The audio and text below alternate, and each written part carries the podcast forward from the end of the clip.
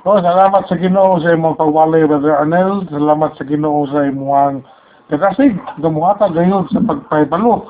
Pahinumdum ka na mo nga ang pagsahod o pagbaton o kadlok sa Ginoo mo ay sinugdanan sa kaalam.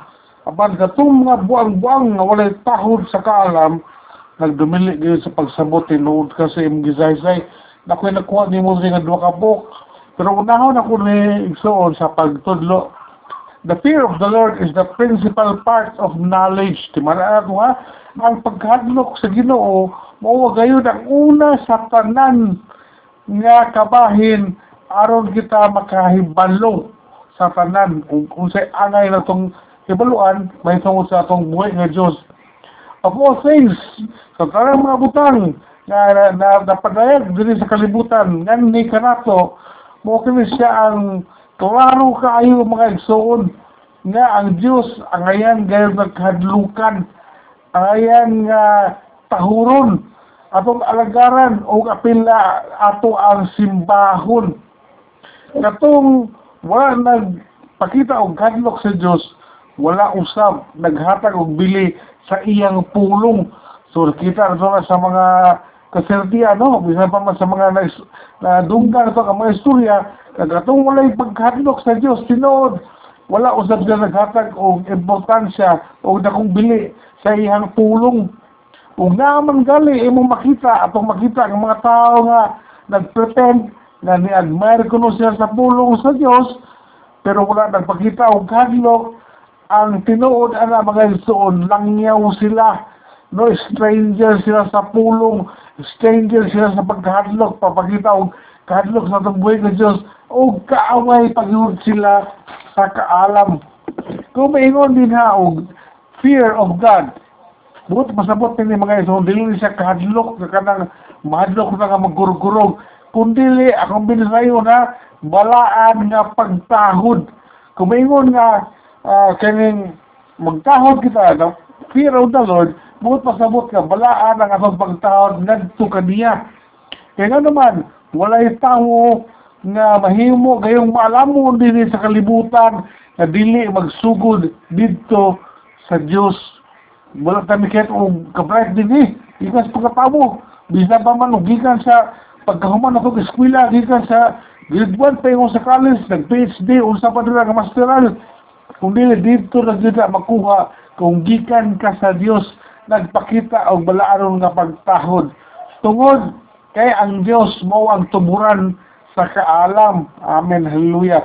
Ako nakuha ni Brother Ernest siyang wallet ay usa ka ay nga nakaigo gis ano if we fear God iya man ang kuha dito sa Isaiah if we fear God we receive His love and mercy tinuod sa tanang kaliwatan nga nagpakita og kadlok sa Dios madawat gayon nato pila ato mga nagsunod nato ang gugma o kaluoy pwedeng hayaya na to kung makasinati kita aning gugma o kaluoy sa Dios mura putos kanunay sa iyang pag-amuma. Dayon ning labang siya dito sa Ecclesiastes 12:13. Alang sa tao, alang sa tanang taho ni mga igsoon, ang reflection ni Haring Solomon. So diha ta ni niya nga ganing pagpakita og kadlok sa Ginoo alang kini sa tanang tawo. Gi-reflect ni Haring Solomon human niya nahimo na sulat kining na sa Proverbs 1:7 o pagkadugaya niya gisulat ang kining libro sa Ecclesiastes gibutang niya sa ulahi ang kining gibalik niya ang iyang gisulti din sa Proverbs 1.7 dito sa Ecclesiastes 12.13 agig paghinuklog kaniya kay kani si Haring Solomon mga igsuon muna siya ang the wisest king sa una og tungod sa iyang pagka-wise wise lagi kayo gipangninyoan niya ang bisakin sa mga prinsesa, mga reyna sa laing lugar, mga anak sa mga hari, bisa pa man sa mga nasod, sa mga unbelievers.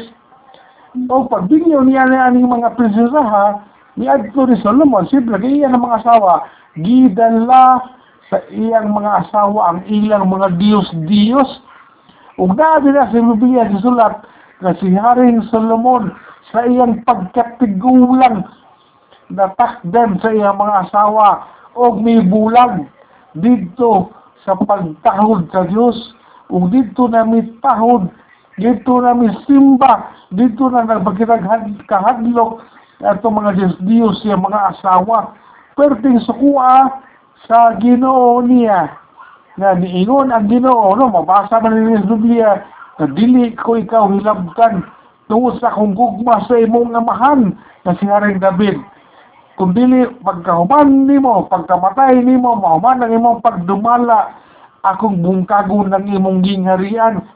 Hinungdan nga ang Israel mga igsoon nagtunga ang gingharian ni Haring Solomon nahimong Juda sa ubos o nahimong Israel sa taas so na north ug the south ug kaning mga istorya diri sa first Kings first uh, second Kings sa first Chronicles ug sa uh, first ug second Chronicles mo gani ang mga saysay sa mga anak ni Solomon na walay klaro na mga anak ni Solomon nga naghari nga manindot kaayo nagpadayon siya sa kadlok sa Dios pero ang ilan na pong anak nga ibuli ah, wala nagbinuang na po so nag-usog-usog kini mga resulta kini tungod sa gibuhat ni Haring Solomon. Dili na to mo na nga si Haring Solomon nakahinuklog na siya pagkatigulang pagsulat niya ni, ni Ecclesiastes mo na nga misulat sa nga iyang tima sa Ecclesiastes walay pulos ang kinabuhi sama ra sa kadakop sa hangin ug sa iyang dako kay nga pagmahay pag hinuklog mga igsoon gisulat niya ug balik ang iyang gisulat sa Proverbs 1:7 nga sa katapusan mo ra gid kini ang ay atong himuon kahadluki ang Dios o kini dili lamang kaniya sa mga hari sa mga royalty o sa kinsa nila nga mga gestor nga magtawo kundi alang kini sa tanang tawo pilta sa tanang tao man. Na kung ibalik na katong ingon ni Brother Emil if we fear God we will receive His love and mercy Ayaw kalimti mga igsoon nga tinuod gayon ang pagpakita na to og balaanon nga pagtahod sa atong Dios maugit ang tinubdan sa atong kaalam. Dalay ko ng Dios ning atong himuan matagabi.